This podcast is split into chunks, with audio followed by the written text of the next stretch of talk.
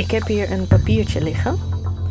Jij bent net hier naartoe gefietst. En ehm, ongetwijfeld ben je tijdens die fietstocht allemaal straatnaambordjes tegengekomen. Mhm. Dan wil ik jou vragen: wil je eens de letter tekenen die je op die straatnaambordjes hebt gezien? De letter, het type letter. Ja, en dan als je nou de, de G en de R maakt. De G en de R. Ehm, volgens mij is het wel zo'n kleine G. Zo eentje. Zo? Nee, niet zo. Huh? Nee, ook niet zo volgens mij. Hmm. Ik heb echt geen idee. Ongesigneerd. Een serie over onopvallend design. Die lettervormen, ja, die eh, worden geheel over het hoofd gezien. Dit is Gerard Unger. Hij is misschien wel Nederlands bekendste typograaf. Alleen staat zijn naam niet bij de letter die de Volkskrant en Trouw van hem gebruiken. En ook niet op de blauwe ANWB wegwijzers op provinciale wegen, waar Unger een lettertype voor ontwierp. Dat testje dat ik net met Laura deed, dat heb ik niet zelf bedacht. Unger vroeg eens aan mensen op straat om de letters te tekenen die ze het laatst hadden gelezen. Niemand kan dat. Je begint met kijken, maar daarna schakel je over op lezen. En lezen is fundamenteel wat anders dan kijken. Kijken doe je heel gericht en bewust. Maar bij lezen schakel je vrijwel meteen over op automatisch en onbewust. Letters zijn ook maar gebruiksvoorwerpen natuurlijk, hele alledaagse dingen. Het is net zoiets als uh, asfalt op de weg. Als er uh, gaten in zitten, ja, dan uh, begin je te klagen. Maar als het een echt mooi asfaltdekje op de snelweg is en je rijdt lekker, wie denkt daaraan? Letters vallen dus pas op als er iets mis mee is. Daarom vielen de letters van straatnaambordjes mij waarschijnlijk ook pas op toen er iets aan veranderde. Ik woon in Amsterdam en daar zijn de meeste straatnaambordjes donkerblauw met een wit scheefloos lettertype, zonder van die dunne streepjes aan de uiteinden dus.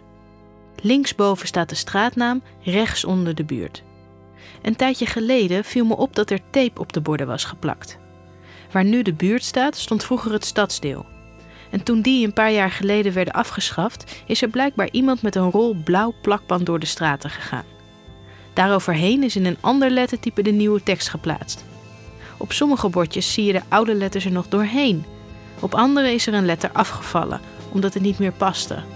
Het ziet er allemaal nogal lullig uit.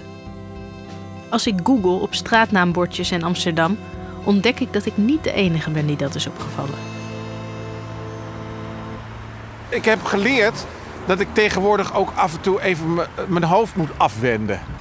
Om mezelf rust te geven. Karel Kuitenbrouwer is grafisch ontwerper en kunstenaar.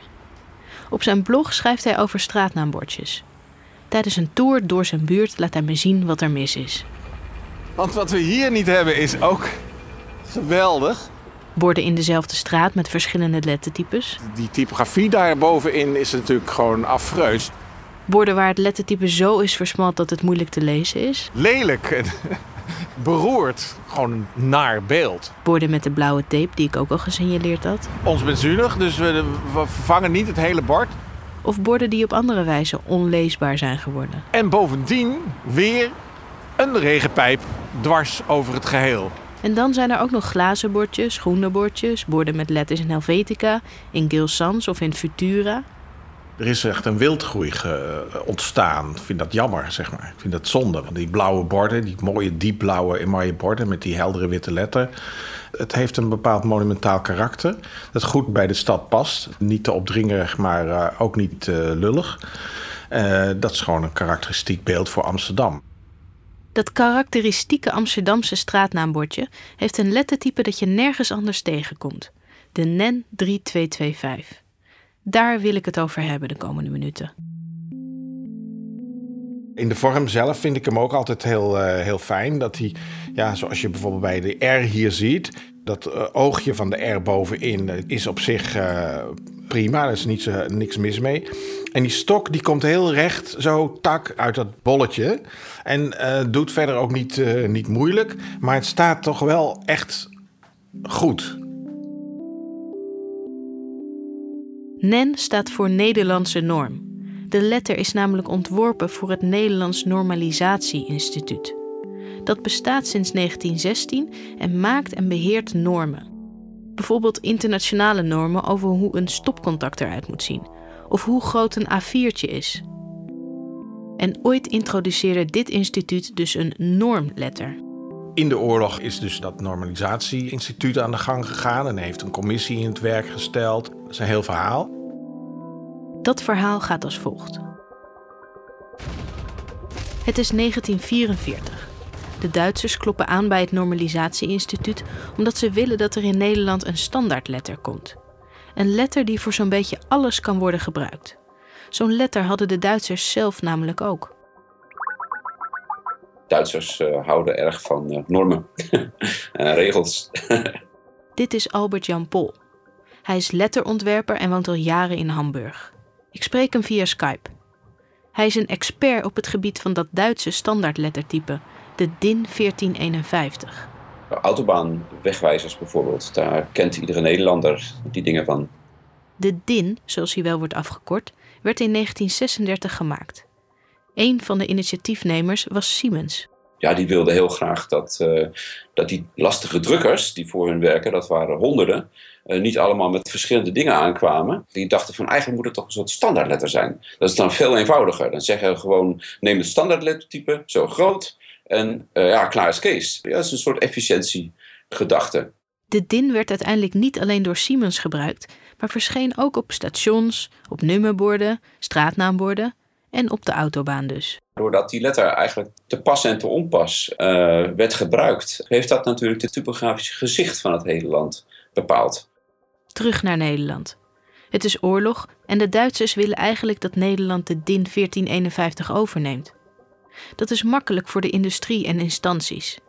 Vanuit het Normalisatie-instituut wordt er een commissie opgesteld om de zaak te bekijken daar werden de meest bekende, de beste letterontwerpers van Nederland in die tijd werden daarvoor geëngageerd. Een van die letterontwerpers is Jan van Krimpen.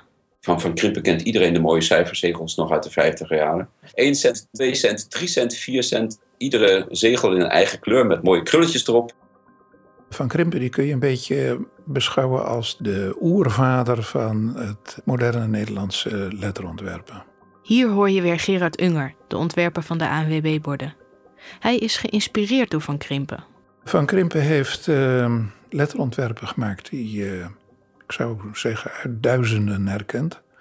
Tegelijkertijd hebben zijn uh, letterontwerpen iets heel algemeens. Die combinatie van heel algemeen en toch heel persoonlijk, dat is iets heel bijzonders. Dat heeft mij altijd aangetrokken. En daarvan heb ik altijd gedacht, uh, dat wil ik ook uh, lettertypes maken voor de lange duur met een uh, uh, lang leven. Dat het met deze letter van Van Krimpen anders is gelopen, dat hoor je zo. Even terug naar het verhaal. Van Krimpen zit dus in de commissie die zich moet buigen over de Duitse standaardletter. Die zeiden van, oh, wat is dat verschrikkelijk lelijk. Wat, die, wat die Duitsers daar willen, daar kunnen we niet aan beginnen. En dus gaat Van Krimpen zelf aan de slag. Dat is een uh, letter die gebaseerd is op de kalligrafische oorsprong van ons schrift überhaupt. De grondslag van de letters die wij vandaag lezen komt uit de 15e eeuw Italië. En de proporties van deze letters uh, en de vormen van deze letters zijn sindsdien eigenlijk nauwelijks veranderd. Dus wat Van Krimpen heeft gedaan, uh, hij heeft eigenlijk die letters bij de kop genomen en ja, de schreven eraf gehaald. Ja, en daarmee is een, is een schreefloze letter ontstaan die zich heel erg aan het, aan het handschrift oriënteert. En daardoor een zeer, ja, zeg, niet zo'n koude indruk heeft, maar eerder een warme indruk, een vriendelijke indruk maakt. In commissies wil iedereen zijn zegje doen. En zo gaat het hier ook. Het geld raakt op, een commissielid moet onderduiken. En in 1958 overlijdt Jan van Krimpen zelf. Uiteindelijk wordt pas in 1963 de Nederlandse standaardletter gepubliceerd. Bijna 20 jaar nadat de Duitsers erom hadden gevraagd, is daar de NEN 3225. En niemand die er nog op zit te wachten.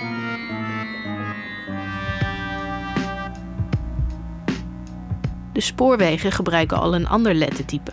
En er zijn ook al letters voor nummerborden en bewegwijzering.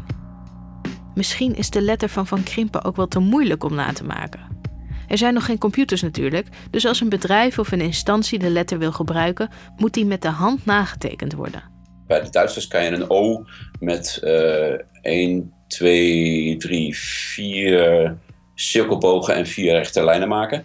Dat is uh, vrij simpel. En dat geldt bijna voor alle andere letters ook. Die zet je eventjes met een, met een passer en een liniaal in elkaar. Dat gaat hup, hup, hup. En het Nederlandse ding moet je natuurlijk... Uh, ja, daar moet je wel een beetje talent voor hebben. Maar misschien zijn er ook andere redenen. Ja, niemand wil zich aan de regels van andere mensen houden. Hè. Dat is... Uh, ja, ja, daarin kan een klein land groot zijn. de NEN 3225 is dus nooit echt de Nederlandse standaardletter geworden. Laat staan dat de letter het typografisch gezicht heeft bepaald, zoals de DIN in Duitsland. Een van de weinige plekken waar de NEN 3225 wel gebruikt is, is dus in Amsterdam, op de straatnaambordjes. Terug naar Karel Kuitenbrouwer. Toen is dus in, na de oorlog, en dat heeft ook veel met de wederopbouw te maken, met de uitbreiding van de stad in West en, en, en Oost, uh, is er dus vanuit de centrale stad deze letter gekozen om op alle straatnaamborden toe te passen. Donkerblauwe emaille borden met die witte letter uh, erop. Zeer herkenbaar, uh, prima. Maar er kwam een moment waarop ook in Amsterdam niemand zich meer echt om die NEN 3225 bekommerde. Dat was begin jaren 80. Doordat de stad werd opgedeeld in stadsdelen en die stadsdelen de verantwoordelijkheid kregen voor de inrichting van de openbare ruimte en dus zelf die borden moesten gaan uh, bestellen, is dat veranderd.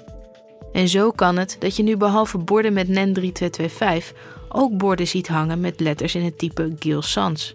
Dat lijkt er een beetje op, maar als je goed kijkt is het een groot verschil. En dan zijn er nog die bordjes in andere lettertypes.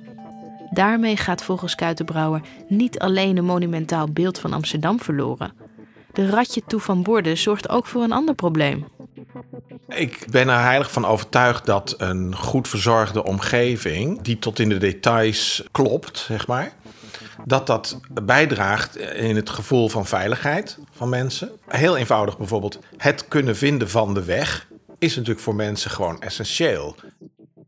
Dat straatnaamborden overal hetzelfde zijn, voegt daar volgens hem nog iets aan toe ja, als je elke keer moet kijken van uh, kan ik het lezen, waar hangt het precies, uh, is het wel duidelijk, dan geeft dat ook ruis in je hoofd. Plus die verzorgdheid, die wordt uitgestraald vanuit de beheerder van de ruimte, geeft naar mijn gevoel ook meer aanleiding bij de gebruiker om zorgvuldig met die ruimte om te gaan. Zou het inderdaad zo werken? Zou ik misschien mijn stoep eens gaan vegen als het straatnaambordje op de gevel niet met die verschillende lagen tape was beplakt? Ik weet het niet.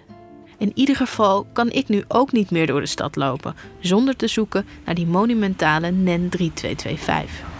Kijk, hier heb je trouwens een mooie Vondelstraat. Oh, ik zie hem al. Ja, je ziet hem al.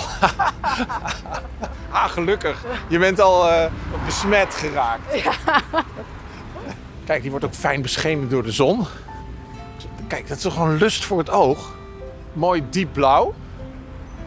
Helder witte letters. Prima. Ja, dat streepje, eerlijk gezegd, het streepje tussen oud en west is een beetje lang. Het is meer een gedachtenstreepje dan een, dan een deelstreepje. Maar oké, goed. Ja, kan op alle slakken zout gaan blijven leggen.